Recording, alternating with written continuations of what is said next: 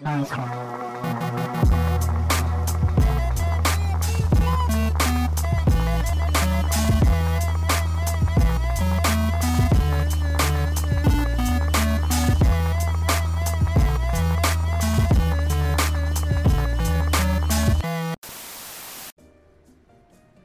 mulai 2012 terus sekarang 2020 lo punya 400 ribu subscriber dan Hmm. konten lo selalu konsisten Hmm. dan kita sempat touch on consistency juga tadi nah gue mau nanya apakah financially speaking Ya. apakah lo pernah kena tantangan karena kan sebenarnya gue ngelihat nggak nggak murah kan bikin Ya. konten-konten kayak lo dan lo naruh itu di tempat yang publicly available tanpa ada paywallnya gitu Ya.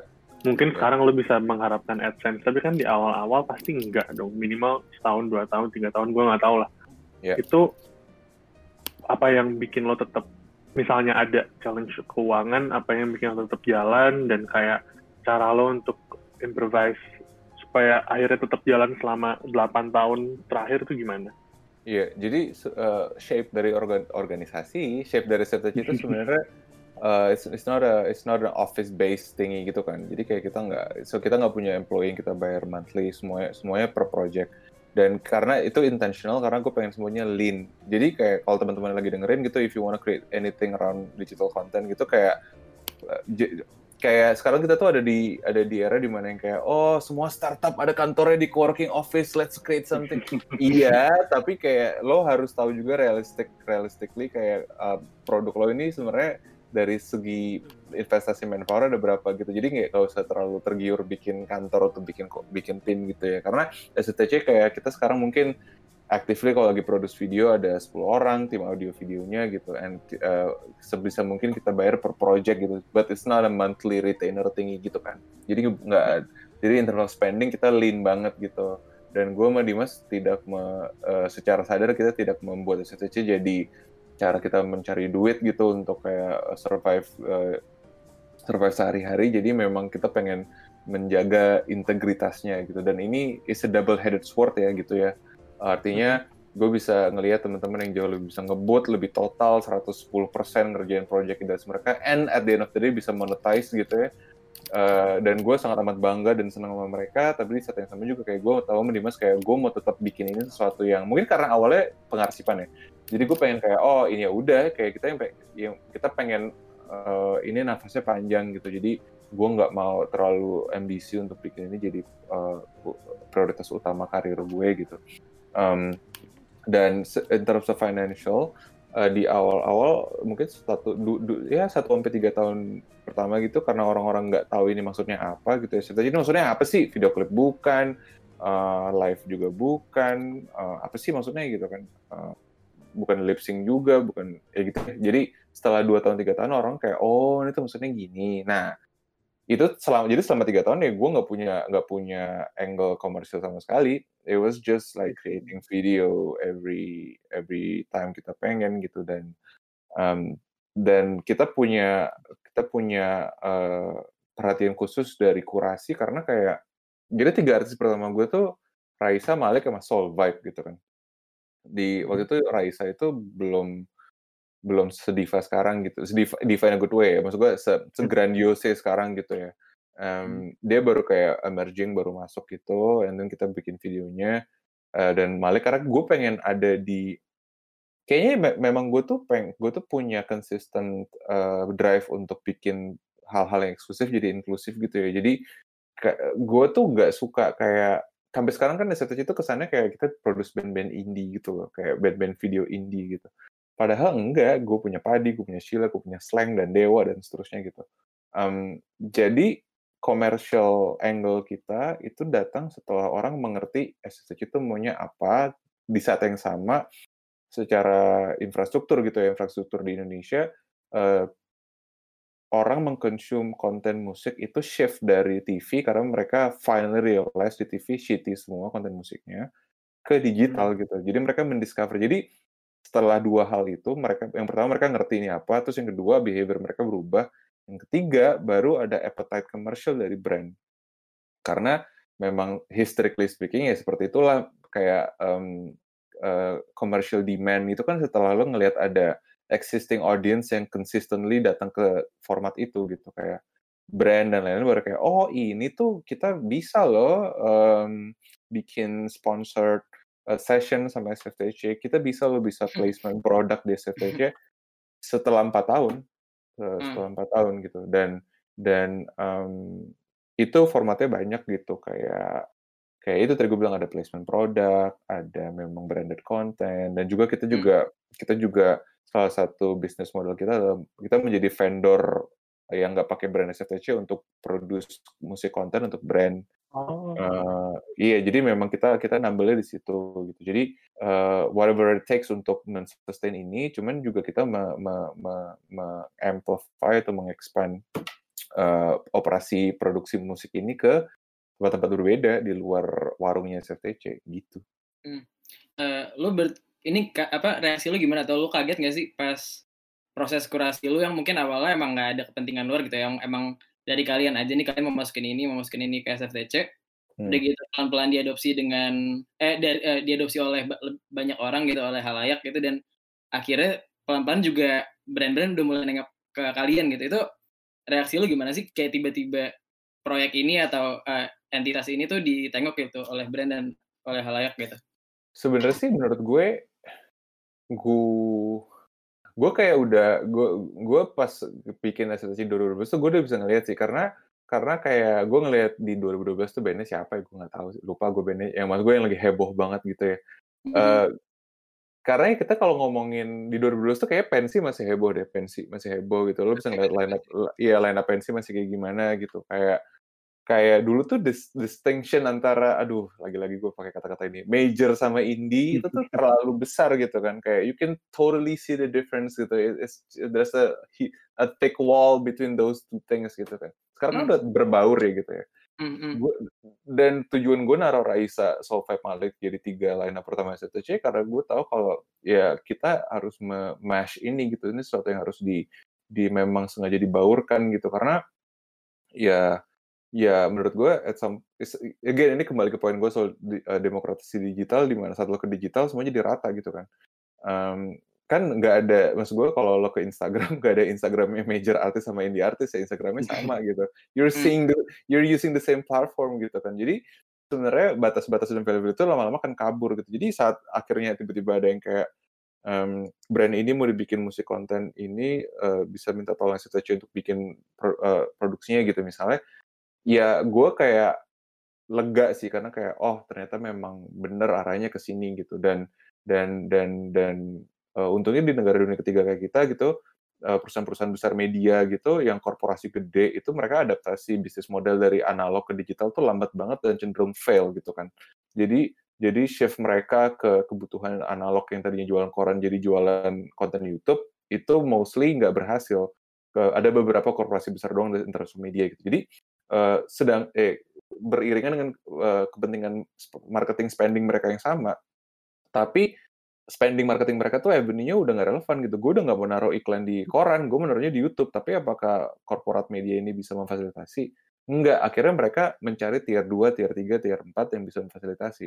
Dan ultimately sekarang, if you really think about it, dari brand yang punya uh, konten eh yang, yang punya capital atau punya duit marketing itu mereka rarely udah pindah uh, pergi ke media konvensional untuk spend duit.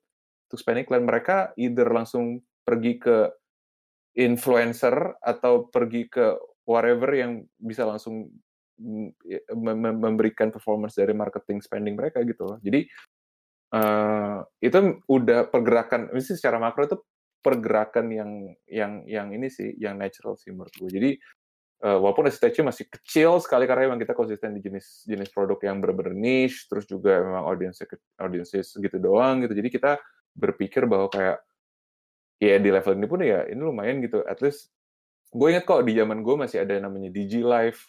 Uh, sekarang udah nggak ada. Uh, bahkan dulu Net berusaha untuk membuat produk yang sama namanya Music Everywhere. Itu sekarang udah nggak ada terus dulu juga ada klik clip sekarang udah nggak ada jadi teman-teman kita yang yang habis SFTC mungkin setahun dua tahun ada klik clip Digi Live Music Everywhere and couple of different initiatives yang setelah dua tahun itu mereka sudah tidak ada yang gue nggak tahu alasannya kenapa dan gue nggak mau tahu juga tapi uh, untungnya SFTC masih ada gitu.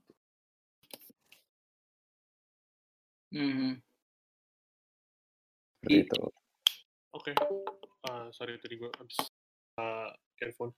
Eh, sebenarnya sa- satu yang mau gue simpulin sih dari sini kayak lo mulai dari concern lo sendiri dan apa ya lo pivot ke arah-arah yang memang lo lihat sendiri gitu lo improvise along the way kayaknya itu penting buat siapa pun yang mau nyoba masuk ke industri gitu unquote uh, untuk untuk apa ya untuk men- tadi lo ngomong kayak ada orang yang ngebut dan langsung gede itu memang ada tapi kayak nggak banyak juga apa nggak nggak sedikit yang ujungnya malah jadi crash and burn juga gitu. Penting Yes. punya semacam kompas pribadi gitu untuk ngeliat kayak oh kita harusnya lean dulu berapa tahun segala macam. Yang tuh menurut gue ya kalau dalam segmen yang kita minati gitu kayak sekarang di bagian di hari ini gitu kayak penting tuh konsistensi dulu sih toh Hmm, hmm. emang lo punya ambisi untuk jadi kaya atau untuk jadi sesuatu gitu sebenarnya bisa-bisa aja gitu it's not like lo akan stuck di operasi yang kecil terus Ya, ya, ya. terbukti kayak ya lo lah contoh contohnya 400 ribu subscriber atau mungkin kalau kita mau nyari yang lebih gede gitu macam kemarin Joe Rogan baru dapat deal gede banget kan dan itu cuma empat orang 100 juta, 100 juta dolar gila. dolar cuma upwards podcast. lagi masih atas lagi gila. kenapa Maksudnya itu maksudnya kan bahkan upwards of 100 million dollars. Jadi kayak buat berapa orang doang tuh kayak atasnya Iya. lagi gitu yang disebut cuma minimal 100 juta. Gila banget sih. Iya, benar. Iya, dan itu kayak speak for itself dalam masalah konsistensi. Dia tiap hari bikin episode, dan bahkan Hmm. guestnya juga Iya. kadang-kadang sem- nggak nggak semuanya A-list gitu. Yang penting Betul, lo betul. ngelakuin apa yang lo, dan dia kan distinct banget kan, personality-wise, segala Iya. macam. Itu menurut gue yang harus diambil dari apa yang lo omongin dan apa yang terjadi hari ini gitu. Lo nggak lo nggak harus kok punya kantor di coworking space langsung, atau lo nggak harus Hmm. bikin acara langsung gede, dokumentasi langsung Hmm. 10 orang terus lo hire A B C D lo beli A B C D gitu kayak yang penting adalah lo ngeluarin dan lo bikin audience lo untuk tetap nempel sama lo gitu apa pun yang Iya. lo keluarin gitu. Jangan soalnya ada beberapa kayak sebenarnya kalau kita mau ngomongin dari sisi bisnisnya kan ya lo mulai gede terus lo ambil uh, guest atau apa pun pihak ketiga yang bakal uh, yang lo bisa piggyback untuk dapetin traction kan. Tapi itu nggak selamanya bisa sustainable gitu. Kayak menurut gue itu tuh hal yang paling penting untuk disampaikan ke orang-orang yang lagi mencoba atau lagi mau masuk dalam Gue iya, ini- itu penting sih, gue sepakat. Eh, gue juga mau bilang bahwa eh, mungkin teman-teman yang kayak lebih muda gitu ya, mungkin dari awal eh, apa early 20s gitu ya. Kayak karena kita kan sekarang eh, di diserbu di eh, diserbu oleh apa ya? Mod, role model role model yang eh, di, di dunia kreatif, di dunia digital or whatever lah itu di mana you're so young and then you're so successful and then all of this like tech bro culture yang kayak oh investasi dan seterusnya gitu. I've been like, I've been working in tech company since I don't know when gitu dan kayak gue tahu banget bahwa walaupun mungkin kita nggak secara sadar mengakui bahwa itu eh, ini ya protruding atau em, apa eh, me- me- lumayan intimidating gitu ya. Cuman lo kalau baru-baru ngelihat di kiri kanan lo it's so easy little about yourself karena gampang banget lo ngeliat kayak oh dia udah jadi CEO apa? And then like oh whatever VP di perusahaan apa? Gitu kayak it's it's just the reality of uh, creative industry gitu sekarang gitu ya. Tapi di saat yang sama juga craft lo itu di, ya itu dia lo di challenge it's a, it's a different type of challenge sih. Kayak sekarang kayak justru challenge-nya adalah saat karena semua ada di jempol lo untuk akses handphone justru yang challenge-nya convert menjadi konsistensi dan me- me- mencari bentuk yang paling yang paling baik buat lo dan paling distinct buat lo jual. Jual tuh quote unquote in a good way gitu ya. Jual untuk menjadi relevan gitu. Jadi jadi gua rasa si culture ini ini sih it's a it's a it's a it's a really unfortunate and sla- slash challenging situation gitu buat teman-teman yang baru mau mulai gitu. Tapi gue excited banget sih sama se- semua orang yang baru mulai karena karena gue tahu akan jadi hal yang seru-seru banget gitu kita lihat aja ntar dari 3, 4 tahun 5 tahun dari sini kayak what, what gonna happen untuk di Indonesia gitu in terms of music stuff Hmm. Ya menurut gue, uh, misalkan tadi yang Joe Rogan itu kan kayak ya dia dia dapat deal dari Spotify gitu dan menurut gue kita hmm. lagi ada di apa namanya landscape yang sangat menarik sih paling nggak konsep musik ya emang sangat dinamis ya gue, gue lihat mungkin kayak yeah. Iya. dari segi akses dan produksi gitu kan emang ya dinamis lah gitu. Tapi kalau misalnya dari dari podcasting sendiri gue rasa sekarang kita tuh lagi di apa namanya uh, titik di mana semua orang yang lagi di dalam situ entah yang lagi bikin atau konsum konsumennya itu tuh yeah. mereka ya lagi sama-sama membentuk uh, blueprintnya dari industri atau landscape podcasting itu sendiri gitu dan ya seru yeah. seru aja sih menurut gue makanya tadi kalau ngelihat empat tahun atau lima tahun ke depan gitu iya bakal menarik karena yang mungkin sekarang udah gede banget apakah masih bisa ngekip relevansinya dan konsistensinya yes. yang masih kecil apakah bakal jadi gede kayak gitu-gitu sih kayak uh, soalnya dari Spotify sendiri paling nggak salah satu yang cukup aware dan dan sangat aktif gitu kayak mereka juga uh, ya itu ngegandeng saya minggu ini ngegandeng Magna Talks jadi yeah. partnernya Spotify kayak gitu dan kalau gue oh iya di lokal di Indonesia mereka juga udah announce ya beberapa yeah. kayak mm. eksklusif podcast itu menarik mm. banget. Dan gue lihat kan lu juga sama uh, Gordy kan ada inisiatif untuk uh, Betul. nge, nge kerjasama antara konten yang di YouTube sama di Spotify juga buat podcast dan konten videonya gitu yes. uh, coba ceritain dong tentang plan lo di situ dan kayak gimana so far uh, performance-nya gitu ya yeah, ya yeah Uh, sebelum itu gue bukan punya dua dua hal yang pengen gue ngomongin soal si Joe Rogan stuff ini. Yang pertama kayak uh, sebelum gue jawab pertanyaan lo, yang pertama tuh hmm. kayak gue pengen bilang kalau the Joe Rogan uh, deal ini adalah kayak itu bukti tangible bahwa you can actually create demand and trend mm. gitu. Mm. Mm. Demand tuh bukan soal demand consumer dong ya, tapi demand komersial sampai ada kayak a huge uh, mogul corporation yang mau spend duit di lo gitu. Karena kan Joe Rogan started from nothing gitu. Maksudnya nothing yang artinya kayak ya dia mulai aja gitu Spotify, eh hmm. uh, podcast consistently. Terus yang kedua, kayak Spotify as a brand, itu ternyata dia tuh nggak cuman invest di music doang gitu. Gue ngeliatnya gini, jadi music itu such a, such a strict dan old school environment ya di mana kayak semuanya udah jadi gitu tuh dan dan uh, disruption dari Spotify tuh ke streaming musik tuh jadi sesuatu yang komplementari tapi dengan deal ini menurut gue Spotify itu menunjukkan bahwa gue, mereka tuh pengen own naratif audio gitu. Jadi it's mm. not just about music dan the podcast environment is such a gray area karena belum ada yang ibaratnya kalau Indiana Jones belum ada yang buka-bukain hutannya gitu ya. Itu masih kayak mm. hutan belantara kan. Mm. Jadi Spotify strategically ngelihat kayak oh ini adalah hutan belantara yang bisa gue own. Jadi gue pengen make a mark di area ini dengan gue ngedilin Joe Rogan, one of the OG podcaster gitu kan. It's such a smart thing sih, karena itu juga menunjukkan kayak, oh ini tuh gue pengen spend di podcast. It's such a interesting uh, thing gitu menurut gue. Jadi mungkin kalau balik ke poin tadi kayak, lo bisa create demand, demand tuh gak cuma demand komersial, uh, demand audience doang, tapi demand komersial juga if you consistent enough gitu. So that's, that was my point gitu. Hmm. Um, menurut tentang Bu, Agordi ya. Yes. Ah. Uh, Agordi jadi emang awalnya nggak sebenarnya nggak ada benar-benar ini sih the, uh, uh, a clear strategi tentang podcast atau video. Kita cuma pengen kayak uh, uh, si Dimas sama Suryo gitu anak SFTC ya mereka ngobrol sama Pram kita udah kita udah punya beberapa obrolan tentang kayak let's do something together terus juga karena kan Agordi mereka punya podcast yang emang in depth in conversation sedangkan uh, expertise SFTC ada di ada di um, performance uh, documentation kita pengen nyampurin itu gitu. This is pra before pandemic situation gitu jadi kayak emang kita udah punya obrolan terus pas pas uh, pandemik kita cuman kayak oh uh, ternyata Dimas sama Suryo uh, ngobrolin kayak yaudah kita bawa ini ke live stream format di mana uh, win-win solutionnya nanti kontennya bisa make sense buat Agordi in terms of content kita juga bisa nge-stream nih live di SFTC as a platform. Jadi kita ada ada bisa tick two boxes in the same time gitu gitu doang sih sebenarnya. Dan dan um, menurut gue uh, gue pengennya sih setelah pandemi ini selesai live streaming jadi salah satu uh, format yang kita ini ya kita sustain terus gitu untuk CFTC karena gue sebenarnya pengen nge-push behavior audiensnya juga gitu mereka jangan cuma pandemi doang nih mau live stream tapi juga uh, saat semua udah normal mereka tetap punya appetite untuk konsum format ini gitu. Ber berarti kayak beyond pandemi ini kalian berencana untuk apa namanya untuk ngelanjutin konten live stream dan podcast ini berarti ya?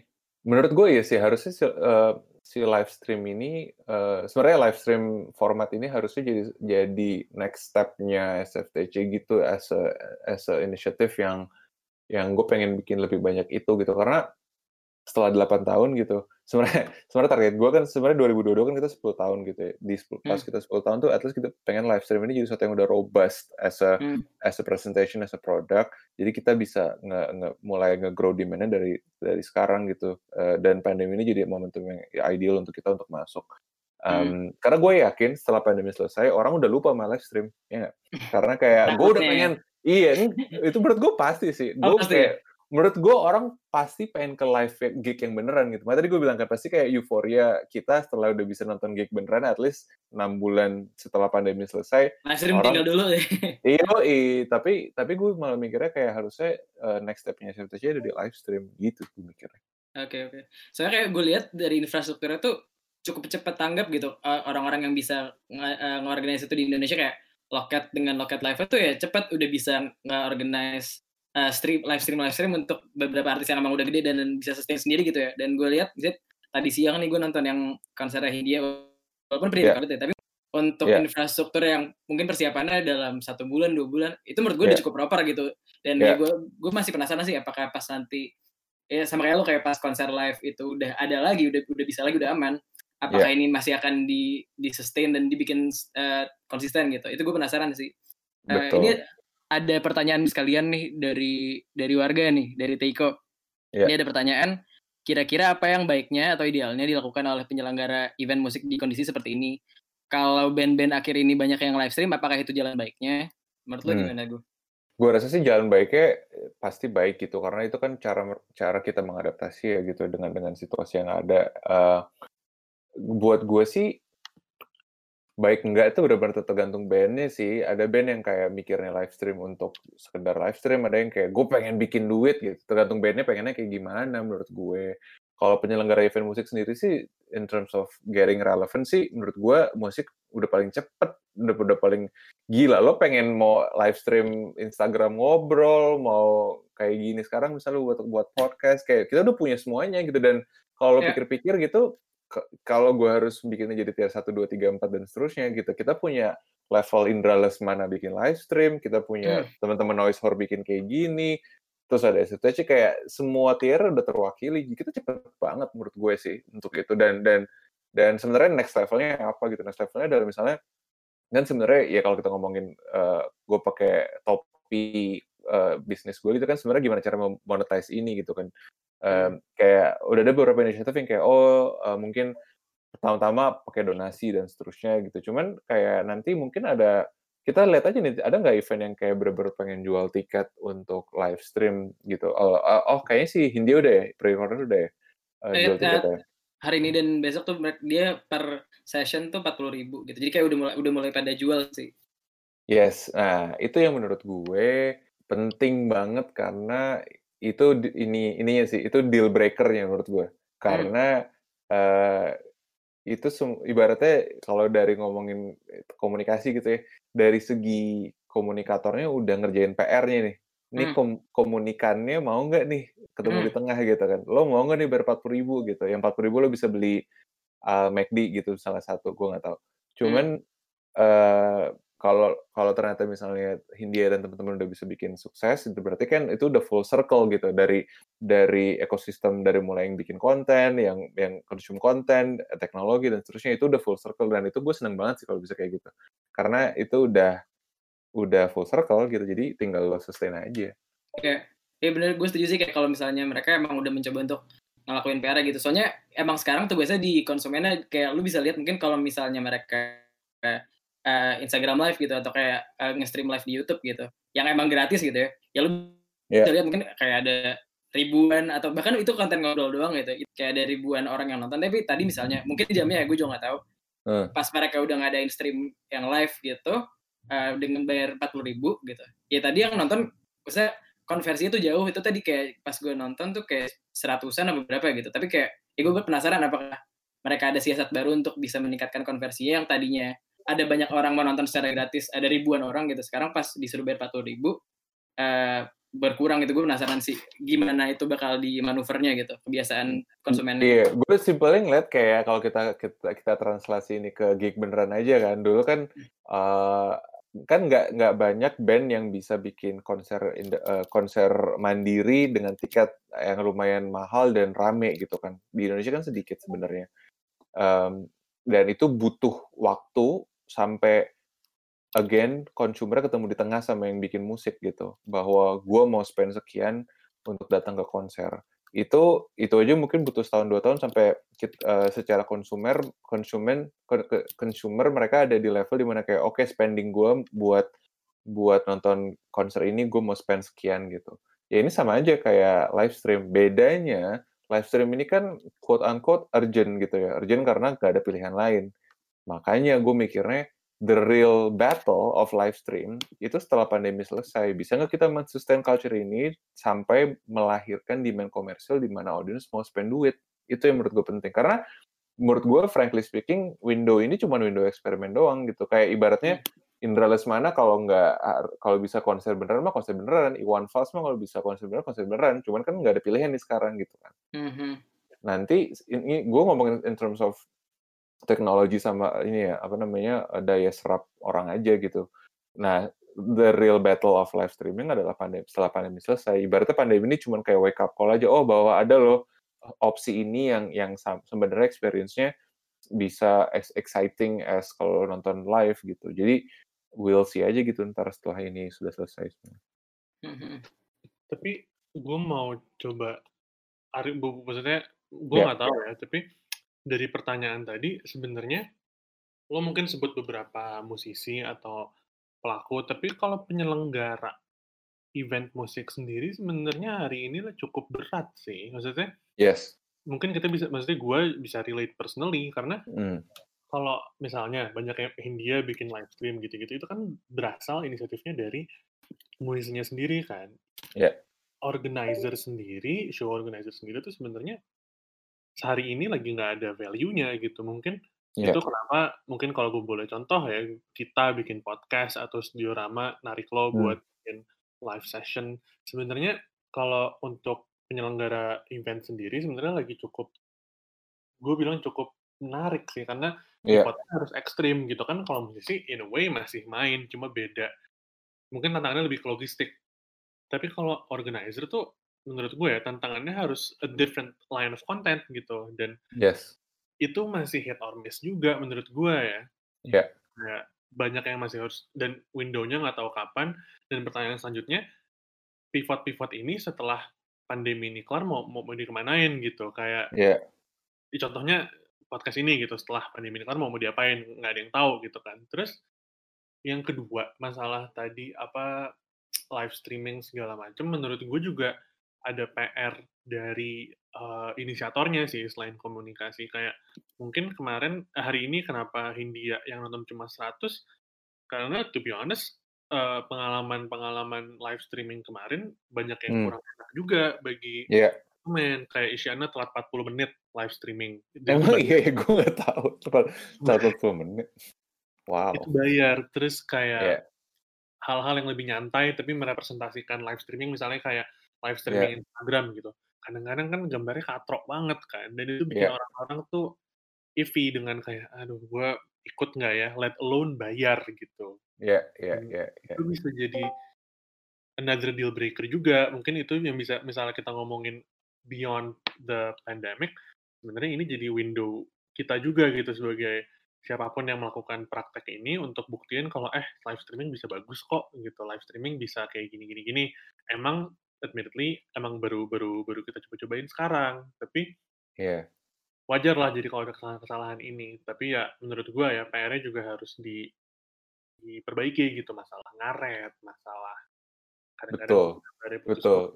Sa gue cuma ngeliatnya kayak ini sih itu cuma experience yang kayak kalau lo bisa translate jadi acara uh, gig beneran tuh make sense banget gitu loh. Kayak kayak dulu awal-awal di mana ya gue gua nggak ada di awal-awal juga sih. Cuman kayak lo bisa uh, ke kengaretan ini tuh kayak misalnya ada acara live streaming ngaret itu sama kayak awal-awal di mana lo nonton band di mana scene-nya belum established banget di mana banyak error tuh soundnya jelek dan seterusnya gitu. Cuman somehow lo push through sampai sampai sampai infrastruktur produksi lo bagus sampai lo jadi bagus banget dan audiensnya juga bisa bisa respect gitu di di area itu. Ini cuman kayak si makanya tadi gue bilang fase pandemi ini itu tuh mengakselerasi semua part dari kebutuhan digitalnya aja sih menurut gue.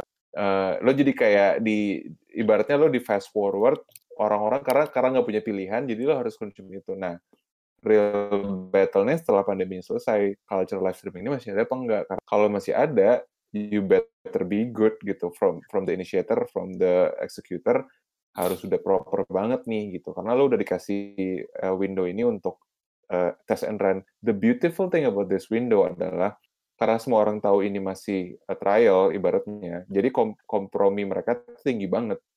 Karena dulu gue eh selesai gue Mas Mas Studio Rama bikin dua live show uh, from the crypt gitu uh, Panturas sama sama Kurosuke. Kurosuke. Hmm. Betul, yang Panturas menurut gue kualitasnya kurang banget dan kayak objectively speaking menurut gue kurang karena berbagai infrastruktural stuff kayak kon koneksi internet di Jatinangor dan seterusnya dan gue admit itu dan dan dan dan somehow kayaknya the good thing the the lesson from that thing audience seem to compromise gitu sama itu. Karena kayak oh ya udah kayak emang ini window error juga gitu semua orang masih trying new things gitu kan. Jadi ke uh, kesabaran audience tuh masih bis, bisa lo tolerate gitu di di sekarang gitu. Nah nanti setelah ini menurut gue audience akan lebih demanding. Gitu menurut gue. Tapi balik ke masalah window hari ini gitu di di yeah. pandemi dan lain-lain.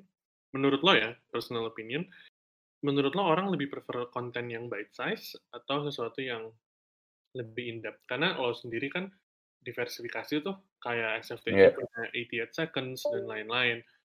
Mungkin maksudnya selain dari viewershipnya tentunya, menurut lo di tengah pandemi gini orang-orang tuh lebih appreciate konten yang bite size dan proper atau sesuatu yang kayak panjang dan ya contohnya kayak podcast gini deh yang kayak bisa yeah. dua jam atau kayak full length dokumentasi live live session lo gitu apa mungkin yeah. lebih yang cepat gitu.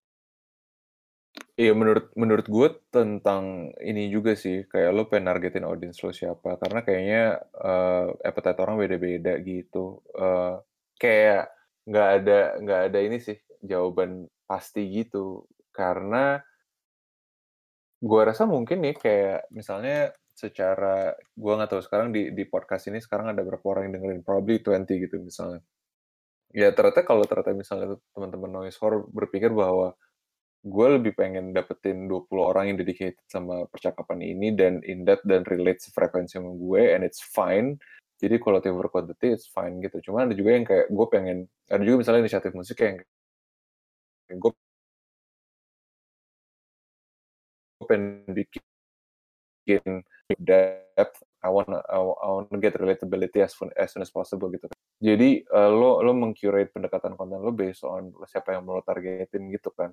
Dan itu yang kayaknya it seems like people miss that point gitu loh kalau karena it's it seems that every music initiative in terms of media information they want to serve everyone gitu.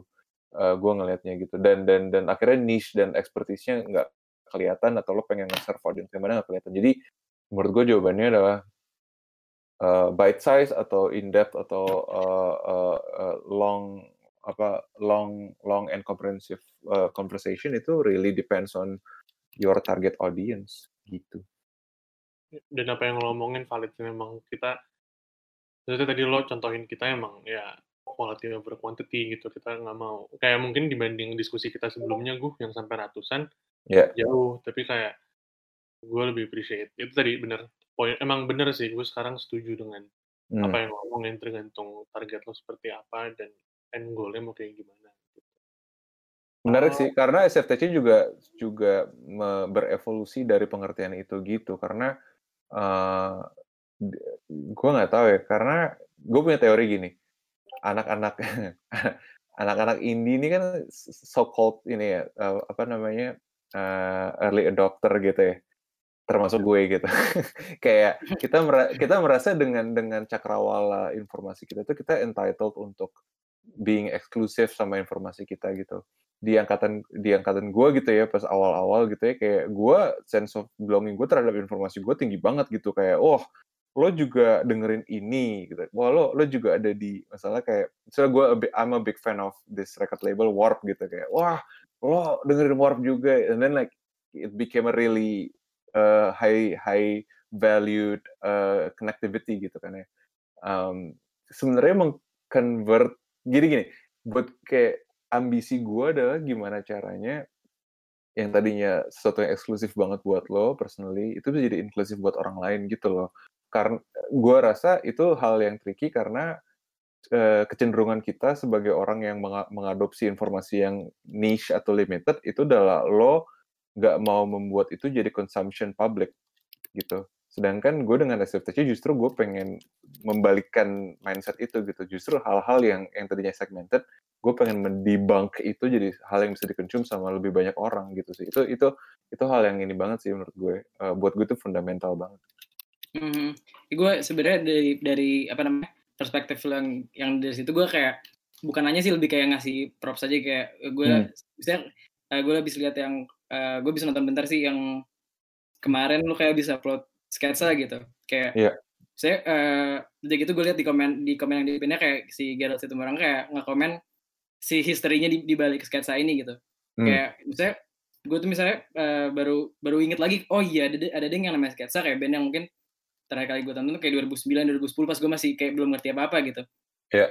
10 tahun kemudian ngelihat perspektif dari artis dan kayak apa namanya ada piece of history yang di share gitu ke ke halayak gitu di channel yang sama di mana mereka bisa akses padi, akses Shilon Seven gitu. Jadi menurut gue apa namanya ya ap, gimana ya penting aja untuk ada lebih banyak entitas lagi atau platform lagi yang nggak nggak nggak nggak ini apa apa yang mau nge-share ilmunya mereka gitu karena ya itu penting karena mungkin orang cuma tahu bisa kayak sangat mudah untuk nge-enjoy musik yang ya udah ya udah ya dengan apa ya poin gue tuh kayak enjoy musik uh, dengan gitu aja tuh mudah banget tapi kayak untuk bisa appreciate yeah. historinya itu kayak menurut gue itu uh, perlu lebih ditingkatin gitu itunya sih jadi kayak menurut gue uh, keren aja itu dilakuin oleh SFTC gitu ya, cuma, iya gue so, hmm. soalnya si uh, it's just so easy to keep cool things for yourself gitu ya tapi kalau kayak uh, dan gimana ya gue gue gue gue ngerti sih kayak ini kan seperti kayak again street cred dari yang kayak oh Uh, sesimpel kayak kalau di tongkrongan, oh lo dengerin ini juga gitu. Itu kan jadi jadi kayak sesuatu yang memang menunjukkan cakrawala lo gitu ya. Yeah. Uh, tapi again karena SFTC itu base-nya di internet di mana semuanya equal. Jadi uh, we want to equalize access to everything gitu dan dan semua itu tuh menurut gue penting banget. Dan gue dulu di tahun pertama consciously gue mendimas yang kayak oh kita jajarin seringai sebelahnya Noah. Habis Noah ini gitu. Karena gue pengen proses discovery orang tuh memang ada di kayak turbulensi itu gitu. Menurut gue turbulensi itu penting karena itu yang menjadi wake up call di mana diversity terhadap musik Indonesia itu nggak dibatasin dari preconception lo terhadap hal-hal yang lo tahu gitu culturally hmm. growing up di Indonesia dan dan dan dan itu gue dan dan gue dulu kan uh, dulu gue masih konsisten tapi sekarang udah jarang dulu setiap tulisan uh, setiap band tuh gue nulis karena kayak gue pengen ada uh, additional konteks terhadap apa yang gue pikirkan terhadap band tersebut in terms of musicnya, in terms of genre-nya, apa yang mereka ya, kayak cultural impact terhadap Indonesia dan seterusnya. Karena gue pengen ada kayak positioning ini tuh nggak cuma tentang musik doang gitu. Ini tuh kayak ada ada cultural value yang harus lo consume juga gitu. Dan gue gue tahu bahwa itu kayak buat audience itu extra layer kayak ada beberapa yang kayak nggak semuanya baca tulisan gue yang kayak fine fine aja gitu. Tapi kalau yang baca tuh mereka kayak oh itu tuh maksudnya ini gitu kayak misalnya Shilon Seven gue nulis gue nulis tentang kayak bagaimana dulu industri pop Indonesia tuh sehat banget uh, well marketed and then mereka juga sustainable eh gitulah pokoknya jadi kayak gue tuh kayak ada Easter egg Easter egg di STC yang kayak emang gue taruh untuk orang-orang yang pengen tahu lebih eh, gimana cara mikir itu gitu cuman kalau kalau lo nggak pengen uh, dessertnya main course-nya videonya lo bisa tonton juga gitu jadi jadi itu penting sih buat gue kayak gue pengen kayak ambisi gue sebenarnya pengen mendebunk exclusivity di di musik gitu loh whatever definitionnya itu gitu. sama juga kayak gue bikin archipelago sebenarnya sama gitu ininya uh, misinya mm-hmm. Dan to your point sebenarnya gue setuju banget sih. Kayak eksklusivitas gitu di hari ini sebenarnya sama sekali udah nggak relevan sih. Saat jempol lo udah bisa discover literally anything di dunia ini kayaknya kayak nggak nggak penting kalau lo put up some exclusivity barrier of entry segala macem lah. Hmm. tapi ada pertanyaan nih kayaknya pertanyaan terakhir sebelum kita tutup dari News Pops eh, Bang Teguh menarik perhatian massa dari yang lebih muda itu bakal ngaruh secara garis besar terhadap target audience dari SFTC nggak? Eh, good question. Sebenarnya kalau dari umur sih gue nggak, kita nggak pernah mikir.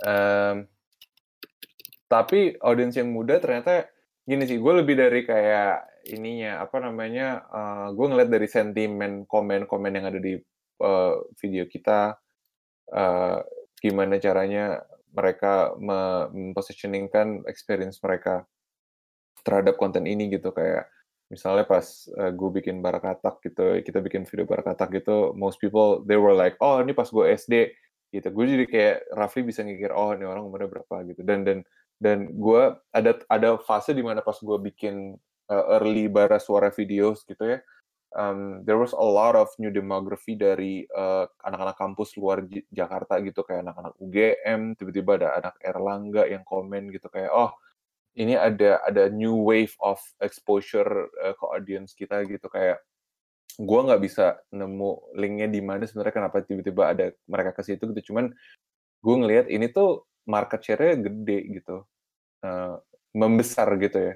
Membesar membesar tuh artinya kayak ada growth dari dari yang tadinya gimana ya kayak kayak lo kalau kalau jujur gini lo kalau gue tanya gitu Argi sama Danang kayak Raisa indie nggak menurut lo? menurut lo Raisa ini nggak? Eh, eh, dia di, di Majors bukan sih? Enggak, dia Juni Records. Juni. Ya. Oh, Juni. Oke, oke. Menurut lo ini nggak? Menurut gue, mm, menurut gue, menurut gue enggak sih. Menurut lo enggak? Kalau menurut Argi, Iya enggak sih kayaknya. iya kan? Nah, enggak, menurut gue itu nggak salah jawaban kayak gitu.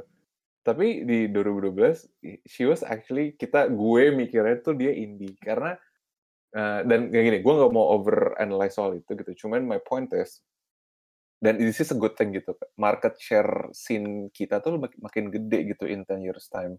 Eh, eh, Eh, oh iya. And it is proven how you perceive Raisa menurut gue. Proven dari situ. Kenapa? Karena market share kita semakin gede. Orang-orang yang tadinya mengidentify Raisa seperti kayak, oh ini karena dia nggak under label Warner, Sony, whatever, she was indie gitu. Terus sekarang karena dia whatever it is ada di mana posisinya dia sekarang, dia jadi nggak indie gitu. Jadi jadi eh, gue nggak mau overanalyze kata-kata indie, cuman market share kita gede dan that's a good thing gitu. Jadi eh, jadi ada layer-layer eh, ke ke apa ya? Layer-layer gimana kita kita melihat eh, positioning band itu sekarang jadi semakin banyak tier-tiernya good thing gitu. Jadi jadi eh, diverse banget. Jadi gue ngeliatnya audience kita semakin berkembang di SFTC beriringan dengan market share scene yang semakin luas. Dan keputusan gue sama Dimas untuk dari awal mendiverskan lineup SFTC kita dari mulai Seringai, Noah, Dewa, Barakatak, Senyawa, dan seterusnya, itu ada ada upaya yang tepat karena emang kita consistently mau membaurkan definisi itu gitu. Jadi karena gini, karena kalau buat gue selama produk SFTC jelas, kualitasnya bagus, whatever music yang kita bawa itu SFTC yang yang ya SFTC yang relevan karena ya emang presentasi kita bagus. Jadi itu produk yang bagus. Jadi gue udah nggak peduli itu nge-serve audience yang mana gitu. Jadi kurasi kita based on band yang bagus aja. That's it. Oke. Iya sih, gue abis lo tadi nanya, gue jadi baru inget kayak pas 2012-2013 itu, ya Raisa manggung di pensi gue bukan sebagai artis yang gede banget ya. Gue kayak, dia masih di label yang sama mungkin ya, tapi tapi persepsi eh, apa persepsi orang udah berbeda. Udah saya udah nggak ngeliat dia sebagai indie lagi, iya sih. Ya poin yang menarik sih, benar-benar. Iya dan dan yeah, that's a, that's a really important point sih. Kenapa? Karena kayak lo ngelihatnya eh, sesuatu yang kayak eh, size marketnya lebih gede. Gini sih, gue ngeliatnya salah satu hal yang yang yang ini ya, yang obvious banget yang gue ngeliat. Eh, dulu tuh di pas gue kayak di 2010-an gitu di awal-awal kayak uh, uh, obstacle selalu gini kayak oh uh, musisi uh, indie or side stream nggak ada yang bisa 100% di musik mereka harus side kayak side job ada kantoran hmm. juga because they have to compensate their uh, day to day need gitu bayar kontrakan beli susu whatever jadi mereka tuh bisa main musik gitu kan udah gitu sekarang dan cuma dikit banget gitu uh, side stream musician yang bisa melakukan itu consistently gitu sekarang banyak uh, toko bukan toko-toko kayak roll roll band yang kayak emang udah 100% di musik and they can actually pay for their their own shit gitu yang kayak ya hmm. ya udah 100% dari musik gitu kan dan gue ngeliat itu sebagai sebuah uh, apa ya sesuatu, sesuatu sebuah per, per, pergerakan yang kemajuan yang baik gitu karena ternyata secara ekonomi lo bisa ada commercial demand yang cukup besar untuk membuat mereka independen secara profesi gitu hmm. tanpa harus ngantor gitu kan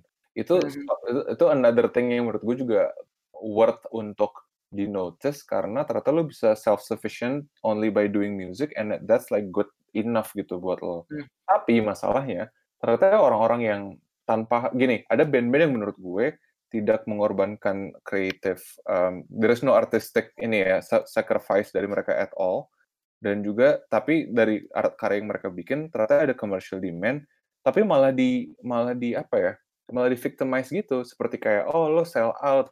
Oh lo jadi gede sekarang. Padahal menurut gue nggak ada yang berubah dari mereka sebenarnya. Ya iya nggak gini ya karena gini buat kan menurut gue ya sell out karena gini definisi sell out kalau lo secara artistic choices itu lo jadi mendegradasi pilihan eh kualitas lo karena lo pengen pengen mendapatkan uang gitu. Tapi kalau hmm. ternyata uang mengikuti artistic choices lo yang tidak diganggu gugat sama sekali sama siapa pun, And then You're you, selling out to anybody sih sebenarnya konsep yeah, gitu ya. Iya, yeah, you achieve success tanpa lo mendiskreditkan artistic choices lo. Itu lo nggak sell out, tapi entah kenapa kayaknya orang-orang yang mengachieve itu secara cepat itu seperti kayak di victimize gitu sama orang-orang. Jadi kayak gue ngeliatnya kayak harusnya lo bangga ngelihat bukan bangga ya. Lo harusnya bisa melihat mereka sebagai kayak oh ini achievement yang kayak ini ada band-band yang artistic choices-nya tetap sama consistently di situ and then they can create commercial demand. Harusnya lo mensupport dia instead of lo mengvictimize dia gitu. Jadi ada hal yang menurut gue lumayan uh, ini sih mungkin jadi kayak kita kayak kebiasaan dulu pas orde baru nyalain Soeharto kayak oh pemerintahan pemerintah kayak kita butuh kayak nemesis atau kayak common enemy untuk kita salah-salahin gitu. Jadi kita kayak punya punya behavior untuk selalu nyalah-nyalahin kayak nyari siapa nih Soeharto di scene kita sekarang gitu kayak siapa yang harus kita salah-salahin gitu. Jadi harus kita punya tendensi untuk itu padahal kalau lu benar-benar kulik harusnya ada beberapa value yang harusnya lo admire instead of your victimize gitu menurut gue. Hmm. Penting untuk melihat apa namanya contoh-contoh sukses seperti itu lebih menjadi model gitu daripada ya di bash seperti itu ya benar-benar setuju setuju gitu. Gue nggak tahu ada yang lain. Mungkin ada yang nggak setuju, setuju sama gue cuman gue mikirnya kayak gila kalau gue nggak tahu sih. Kayak beda situasi kalau ternyata lo secara conscious mem mem memangkas artistic choices lo untuk in order to get money gitu ya. Itu kalau itu baru salah hmm. dan itu menurut gue tai itu. Cuman kalau hmm. lo gain success tanpa berkompromi terhadap itu itu kan artinya ya itu ya itu terbukti gitu proven gitu. Jadi it's a, it's a circle gitu. Jadi gue rasa apa ya ada hal-hal yang mesti dan ini gue menjadi sensitif soal ini karena SFTC buat gue itu ada upaya gue untuk mendebunk itu gitu mendebunk hal-hal yang kayak kayak oh lo tuh ada di area mana? Lo harusnya dipersif kayak gimana? Kayak ya udah sama aja semuanya karena we're going to the same internet every day gitu. Hmm.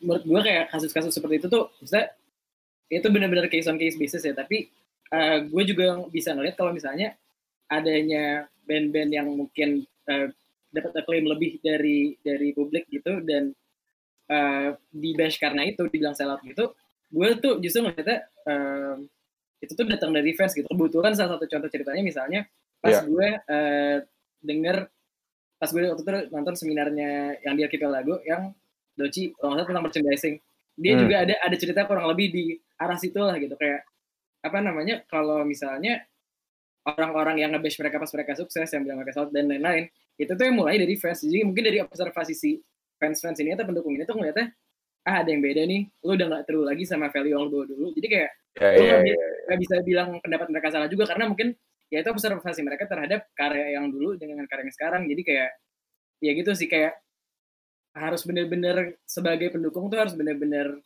apa sih uh, wise uh, ya wise gitu kayak ngelihat hmm. mana yang mana yang bermanfaat mana yang kayak ya emang grow aja dan lo harus bisa terima growth si That's a really good point sih. Kalau di pas gue masih zaman-zaman awal-awal dulu tuh gue ngelihat fenomenanya. Sebenarnya gini sih, kayaknya gini sih.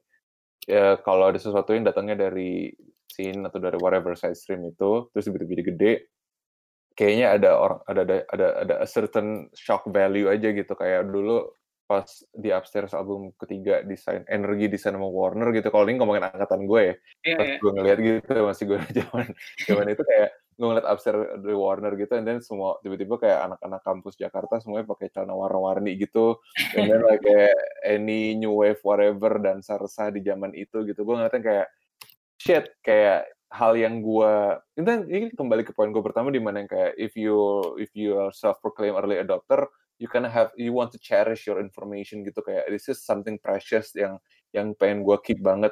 Kalau suddenly it becomes a commodity widely gitu kayak lo kayak shit ini udah gak cool lagi gitu. It's just a nature of um, early adopter gitu menurut gue ya. Hmm, setuju setuju.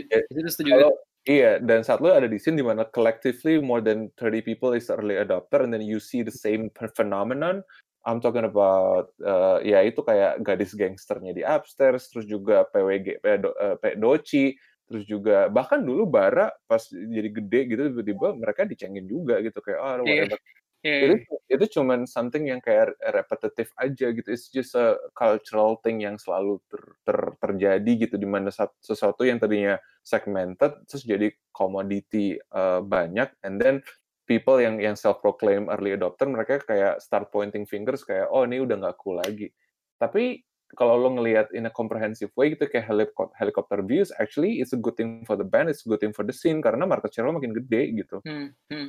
gitu menurut gue jadi jadi uh, gue nggak tahu sih mungkin gue berangkat dari kacamata STC di mana visi kita adalah mengequalize semua akses untuk musik gitu. Jadi gue gue pengen kalau bisa teman-teman ada yang ngeliat eh, ada yang bisa teman-teman di sini gitu kayak yang join podcast ini gitu kayak uh, kita bisa me, ini sih bisa me, merevisit uh, point of view kita terhadap hal, hal ini itu karena harusnya di era di mana informasi punya semua orang lo nggak usah merasa eksklusif lagi kayak you're not cooler than anyone gitu kayak lo bisa aja misalnya kayak I can spend hours ngomongin soal the the the most obscure band di dunia gitu dan semua pengetahuan gue terlihat seperti cool banget but the same this is the same internet you're accessing yeah. the same internet yeah. gitu kan jadi yeah. jadi kayak kayak let's let's change that behavior sih menurut gue gitu mm-hmm. itu oke ada pertanyaan lagi nih gue tadi kan yes. dibilang kalau behavior consuming content live online bakal berkurang kalau semuanya udah balik ke normal. Tapi misalnya konser live udah mulai jalan, kenapa nggak dua-duanya jalan? Apa nggak hmm. bisa jalan keduanya karena ngaruh ke penjualan tiket konser yang offline? Pertanyaan keduanya, apakah nanti terus nanti ada vendor-vendoran equipment konser online? Such a good question. Terima kasih Mas 428 MKH. Menurut gue uh, sebenarnya at least enam bulan pertama ini tebakan gue nih ya, tebakan asal aja. Enam bulan pertama orang nggak akan peduli setelah semuanya normal orang nggak akan peduli nih sama online onlinean karena orang masih berusaha mengganjar kekangenan mereka sama off, uh, konser offline ya kan um, dan gue gue bisa bilang mungkin taruhan besarnya teman-teman the major sama sinkronis itu sekarang di situ karena kayak mereka kayak konsisten jualan tiket karena mereka mikir nih ini kayaknya strategically speaking kita kelar di Q3 nih pandemi jadi pas Oktober gue hajar sinkronis justru demand komersil gue double karena orang pengen mengganjar ke kanan mereka terhadap offline konser. Jadi menurut gue bukan yang nggak bisa dua-duanya jalan tapi butuh proses. Justru uh, selang gini ibaratnya gini misalnya selama enam bulan itu orang-orang lagi euforianya konser beneran tapi uh, uh, kita perlahan-lahan nge, nge, nge consistently nge-grow demand konser online itu nanti saat saat kita udah ada di era di mana semua lebih normal nggak nggak euforik lagi terhadap konser online konser online tetap bisa di bisa di bisa di ini bisa di maintain gitu. Nah tantangannya adalah gimana caranya misalnya experience dari konser online itu as as exciting as konser offline. Um, dan sekarang kan lo bayangin gini misalnya ada gig live dua puluh ribu harganya. Terus tiket uh, online harganya sepuluh ribu. Orang akan tetap mesti milih tiket yang dua puluh ribu karena that's the the roots, the the real value of music experience kan offline gitu lo bisa dengerin audionya dan seterusnya gitu.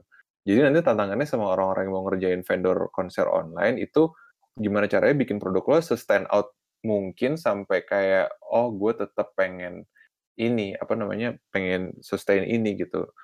Another sexy thing about konser online adalah itu ngebreak semua konsensus around geographical area. Jadi misalnya hmm. gini, ya kan kalau misalnya lo ngomongin uh, festival di Jakarta kan ya technically speaking lo mesti bayarin tiket semua orang di Jakarta gitu simple itu sedangkan jadi nanti gini yang menang adalah orang yang bisa ngelihat bahwa pro and cons online and then they emphasize on the pro and then they elevate the value of the the the, the pro stuff from online concert gitu jadi jadi mereka jadi audience bisa ngelihat jelas bahwa oh ini value yang gue gue terima saat gue menjalankan konser online ini gitu.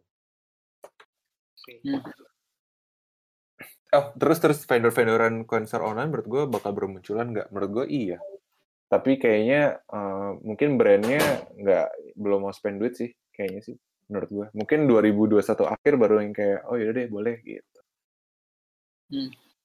Soalnya pendekatan yang kayak tadi lu bilang tentang organisasi, organisasi entah mereka uh, tetap cuma geser tanggal doang atau mereka tetap stick ke tanggal mereka atau mereka pokoknya manuver-manuver uh, apa namanya uh, si organizer-organizer ini tuh kayak narik untuk diperhatiin paling nggak untuk setahun dua tahun ke depan gitu kayak misalnya uh, si yang tadi synchronize kan mereka stick ke tanggal mereka gitu ya udah Oktober penjualan yeah. sama berharap bahwa demandnya bakal ngedouble atau lebih banyak dari sebelumnya gitu yeah. itu di Primavera gitu mereka yang sudah yes. tahun ini ada anniversary mereka bener-bener geser total ke tahun depan udah udah rilis line apa tiket dijual minggu depan gitu. Kayak ada yang main aman ada yang kayak play di bukan risk sih tapi kayak di tengah-tengahnya. Kayak mereka mau coba lihat opportunity di betul. pas baru bukanya banget gitu kan ada yang kayak gitu.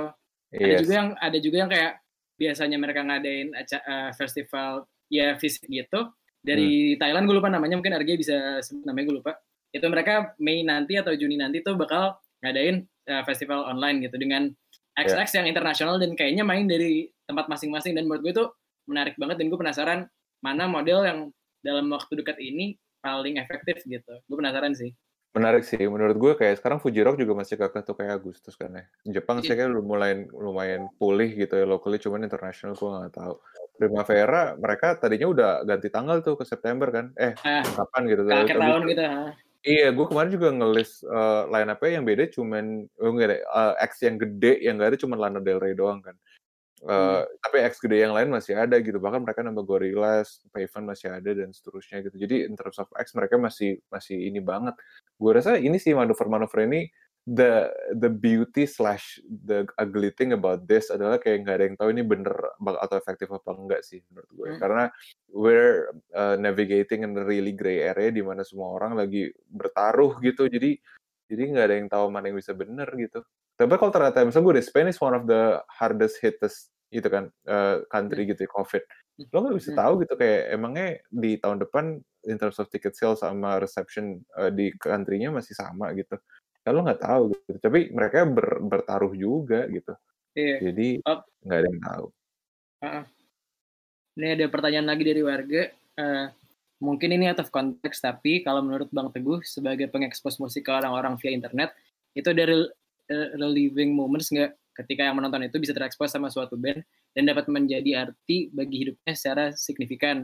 Dalam kurung mungkin dalam bentuk komenan YouTube atau people actually meeting in person dengan Bang Teguh gitu gimana menurut lo? Uh, menurut gue ini sih uh, again ini kalau ini personal gue ya, kayak gue hmm. gue kayak salah satu uh, visi gue adalah kayak sebenarnya membuat uh, meng, menyamat, menyamaratakan akses ke band-band luar Jawa luar Jakarta gitu gue punya punya special um, interest di situ personally gitu. Gue gak tahu yang lain lain Cuman kayak setiap kali gue bisa membuat band-band yang luar Jakarta uh, dari bahkan luar Jawa gitu untuk mendapatkan exposure yang mereka suka, eh orang-orang suka itu atau menjembatani itu gue ngerasa kayak oh gimana sih kayak mungkin lo juga tahu lah rasanya kayak gimana kayak oh gue mendapat sesuatu yang yang yang yang true banget buat apa yang bikin gue happy gitu. Itu sih menurut gue kayak yang sampai sekarang dari 2012 belum belum pernah tergantikan sensasi di mana lo ngerasa kayak lo membantu discover uh, both dari band ke audience, audience ke band gitu yang kayak oh ini tuh ada band ini ya gitu kayak uh, either itu atau yang kayak gue bikin apa ya kayak gue bikin Reza gitu ya gue bikin Reza Artamevia hmm. di pick di mana dia lagi comeback uh, uh, main-main di acara-acara musik di Jakarta gitu terus terus uh, uh, productionnya proper dan kayak gue waktu gue juga nulis betapa kayak menurut gue dari berbagai comeback band apa artis 90-an Reza tuh yang paling graceful gitu uh, karena perjalanan dia such a 360 moment di mana dia dulu punya kasus sama Gatot Braja Braja Musti whatever itu gitu kayak terus dia kayak comeback dia graceful banget gitu gue ngerasa kayak oh ini nih sesuatu yang bahkan lebih penting daripada kerjaan kantor gue sometimes ya. kayak gue individually gue mikir gitu yang kayak oh ini drive gue kayak ini drive gue untuk give back ke scene yang begitu baik membuat gue happy as a person gitu. Jadi uh, dan semua semua komen-komen internet ya sih menurut gue itu juga sesuatu yang yang yang yang bikin gue happy sih. Kayak we're doing the right thing. kayak kita sampai sekarang punya lebih dari 400 video gitu ya SFTC dan it's the same value it's the same mission gitu. Kayak oh ini adalah ya kita menjembatani sama sama dari, dari 2012 itu kayak oh ini gue pengen band-band ini punya mendapat mendapatkan audiens lebih besar daripada yang mereka punya sekarang gitu. Hmm. Kayak seru sih menurut gue kayak apa namanya uh, mungkin juga dari segi bisnisnya tapi nggak cuma itu dalam artian keren aja bi, bi, menurut gue ya kayak bisa nge-capture snapshot atau momen dari Reza Artamevia yang lagi menjalankan fase kedua atau fase apa namanya berikut dari karirnya dia dan lagi mau naik lagi naik lagi lagi rame lagi gitu. Dan hmm. lu berhasil mendokumentasikan itu. Misalnya juga kayak lu bisa mendokumentasikan Sheila on Seven di tahun sekian udah berbelas-belas tahun uh, setelah mereka mulai karirnya dulu tapi kayak masih bisa ramai itu. Pokoknya kayak bisa mendokumentasikan snapshot snapshot itu yang mungkin bakal berbeda terus gitu. Dan kayak lu pas mereka dulu awal mulai mereka pas berapa tahun lalu dan mereka sekarang tuh kayak bakal beda terus dan bisa berhasil apa yang yeah. capture itu dan ngelihat ke belakang lagi itu menurut gue sangat apa ya uh, seru untuk di revisit aja gitu pas ngeliat gitu. Menurut gue tuh teman-teman gitu yang kayak pikirin kayak gue kalau bikin sesuatu untuk jadi gatekeeper di di era ini gitu ya kayak menurut gue cuma dua sih yang dan du, dua hal yang mungkin kita mesti mikirin bareng-bareng gitu kayak konsistensi sama karakter lo gitu. Karena hmm. uh, dan ini hal yang yang yang proaktif juga gue bilang ke banyak orang bahwa yang kayak lo ada di era di mana lo bisa bikin konten apa pun di mana pun bagaimanapun dengan cepat gitu kan. Dan dan posisi posisi tower lo menjadi uh, challenging banget karena lo harus bersaing di mana ada miliaran informasi setiap detiknya gitu kan itu kan cuma the basic reality of internet today aja gitu kan. So if you want to differentiate your positioning lo harus mikir juga kayak how to how can I differentiate my product slash karakter gue gitu. Kayak what gue mau ngomongin apa nih? Itu sih yang kayak um, jadi gini kayak di di zaman gue pas mulai gitu 2012 caranya adalah kayak yang yang gue crave adalah caranya menjadi relevan karena karena aksesnya masih terbatas. Menurut gue challenge di era ini adalah karena aksesnya udah nggak terbatas cara gue menjadi konsisten dan berkarakter gitu. Karena uh, diferensiasi informasi itu lebih mahal daripada kuantitas gitu. Dan dan dan uh, gate gatekeeping itu jauh lebih challenging saat di era ini di mana di mana attention span orang pendek terus juga orang-orang ngelihat uh, format di mana banyak-banyak banget gitu. Jadi kalau pengen ngomongin sesuatu yang yang distinctive you have to make sure karakter sama konsistensi lo terjamin. Dan itu sesuatu yang yang unfortunately slash fortunately itu nggak bisa dipelajari di internet menurut gue ya. Tapi ya. At least, at least konsistensi sih, at least konsistensi. Karakter mungkin lo bisa, lo bisa kayak lo tau lah role model kiri kanan, lo bisa ad adapt itu, lo belajar, lo bikin kayak karakter gue yang berbeda gimana. Emulate gitu ya. Iya, tapi konsistensi such a such a credibility thing sih menurut gue ya. Kayak if you kira, kan kembali ke poin gue pertama yang tadi gue bilang, eh gue bilang sama Argia bahwa kayak turnover di sini tuh cepet banget ya. If you're doing a thing consistent enough aja, by default lo akan akan akan terli lo akan stand out. Itu menurut gue kayak gitu.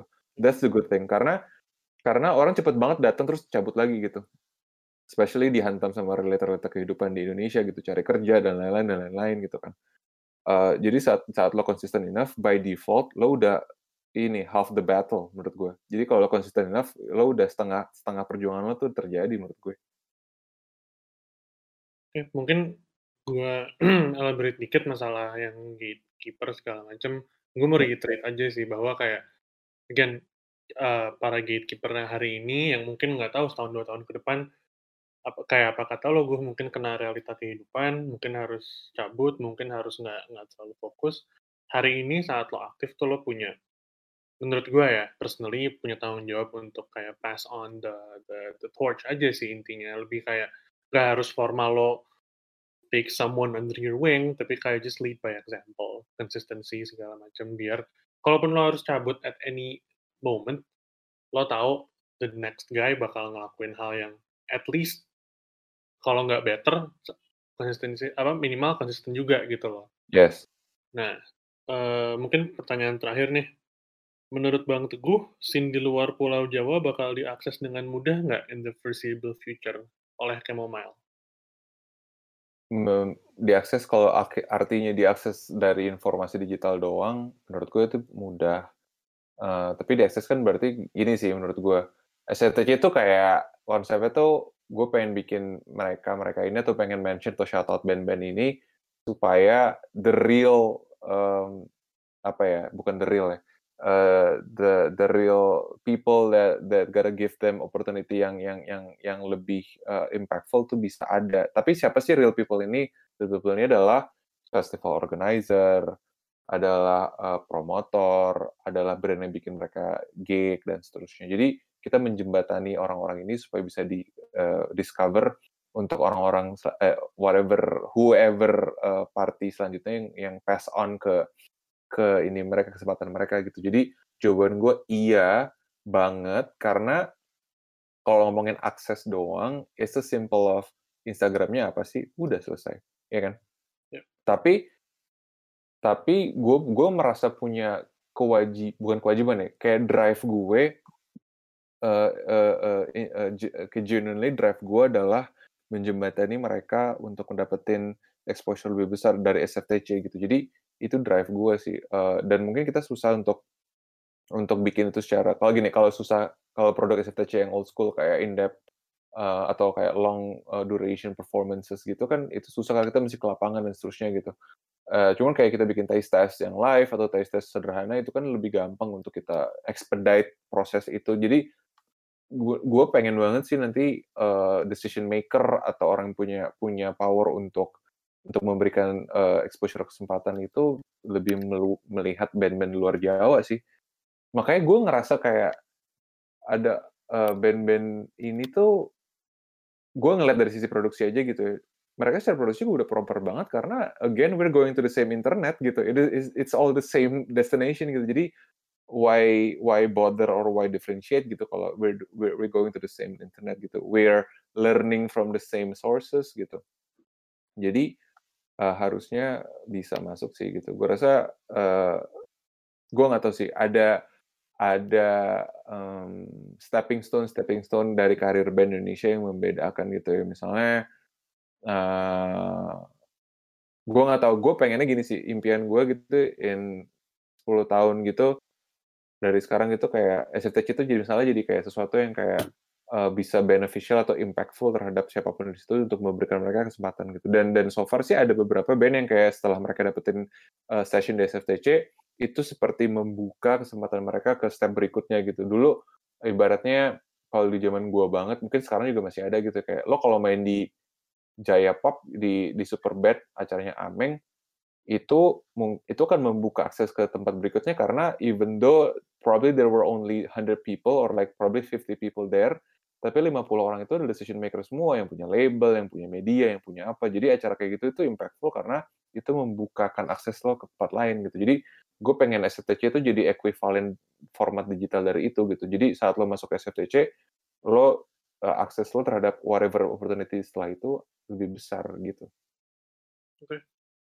Uh, kira-kira segitu ya podcast kita hari ini, NWFM yang ke-10. Mungkin terakhir, gue akan coba push beberapa konten yang lagi mau dirilis temen-temen yang gue aware. Mungkin Teguh kalau ada mau something to Ya. Gua ada mode Equator compilation dari Dead Records sama uh, Aldo apa Batavia terus gue push Gispel uh, lagu barunya sama Bin Idris Ternyata Bin Idris ya, Gi, bukan Bila Indra. gue kira bilang uh, gue dua itu aja sih mungkin lo mau nambahin kalau SFTC mau ada apa pun gitu Oh, by the way, eh, kita malam ini bakal ada Testas Plus Plus sama uh, narasumber jam 9 S- S- S- bah, eh, YouTube SFTC sama eh, Nadine sama Stella. Nadine baru rilis album, Stella dari Scholar juga. Di situ kita akan di di session itu akan mention 8 band baru. Eh, eh enggak sih, mungkin 7 band baru, satu band lama. Eh, terus setengah dari situ memang semuanya dari luar Jawa, so we're excited about it. Um, itu sih. Uh, band-bandnya gue nggak I don't want to spoil the surprise jadi gue nggak mention. Tapi but, but they're all like local bands. Um, terus apa ya band lokal. Eh, yang mau gue push. Belum pikiran sih gue. Uh, tapi banyak sih harusnya. Siapa ya? Oh gue lagi dengerin ini media distorsi lagi tuh bandnya si orang orang labelnya Tris yang hijrah. Dia sekarang ada di ada di Spotify. Namanya media distorsi uh, kayak uh, early eh, late 90s electronic gitu. Bagus banget. It's a good ini sih it's a good library music untuk kayak lo tahu sedivers apa musik Indonesia. Terus apa lagi ya? Uh, belum kepikiran cuman Oh, Dead Records. Iya, yeah, Dead Records juga mantep sih nih. Gue baru ngeliat band ke band Dead Records. Um, kayak Dead Records juga baru bikin Spotify playlist tuh. Bukan rilisan sih, cuman Spotify playlist uh, band-band yang mereka eh, apa yang lagu-lagu yang mereka dengerin aja. Uh, ntar apa lagi ya? Uh, oh, by the way, kalau lo pengen dengerin band-band yang dipilih sama SFTC, di tes tes terakhir tuh uh, eh di di sesi, sesi live stream kita tuh kita udah punya tiga. Itu semua mostly emang fokusin di band-band luar. Eh band-band luar band-band Indonesia yang baru. Uh, kita mention kita shout out semua band-band baru. Dari mulai elektronik uh, uh, ada juga stoner band ada ada uh, pop dan seterusnya. Kita mention banyak banget sih. Jadi kayaknya kalau pengen ngecek itu sih that's also a good way of to discover new things Oke. Okay. Uh, thank you Teguh hari ini. Nanti jam 9, kalau gue boleh ulang, SFTC bakal ada live stream taste test sama Nadine dan Stella. Uh, ya, yeah, hope to see you all jam 9 nanti. Gue personally mungkin nonton. Terima kasih buat yang stay sampai ini kita dua jam lebih. Nah, dua jam ya. Terima kasih Teguh untuk waktunya hari ini. Kalian biasanya berapa lama sih durasinya? Seginian sih. Seginian. Seginian, pas lah ya. Oke. Okay. Biasa sambil sambil nunggu buka puasa biasanya. Ah, isi, isi, isi. Oke, oke. Hmm. Oh, dua setengah jam ternyata. Oke. Okay. Uh, terima kasih buat semuanya hari ini waktunya. Buat Teguh juga. Uh, terima kasih teman-teman. Episode ini akan buat... di Spotify minggu depan hari Senin. Mungkin dijadiin dua part. Uh, sampai jumpa minggu depan kali ya. Lo ada yang mau dipesan terakhir? Oh ya, thank you aja buat yang datang. Thank you buat Teguh. Uh, semoga mungkin insightful kayak yang kita omongin hari ini. Thank you juga buat uh, buat anak-anak yang sedang udah kerjain episode ini. Argia, Elia, Kevin, Emir, Afri, Deva. Uh, ya, yeah, thank you semua. Uh, sampai jumpa minggu depan. Itu aja. Terima kasih teman-teman. Thank you. Yeah.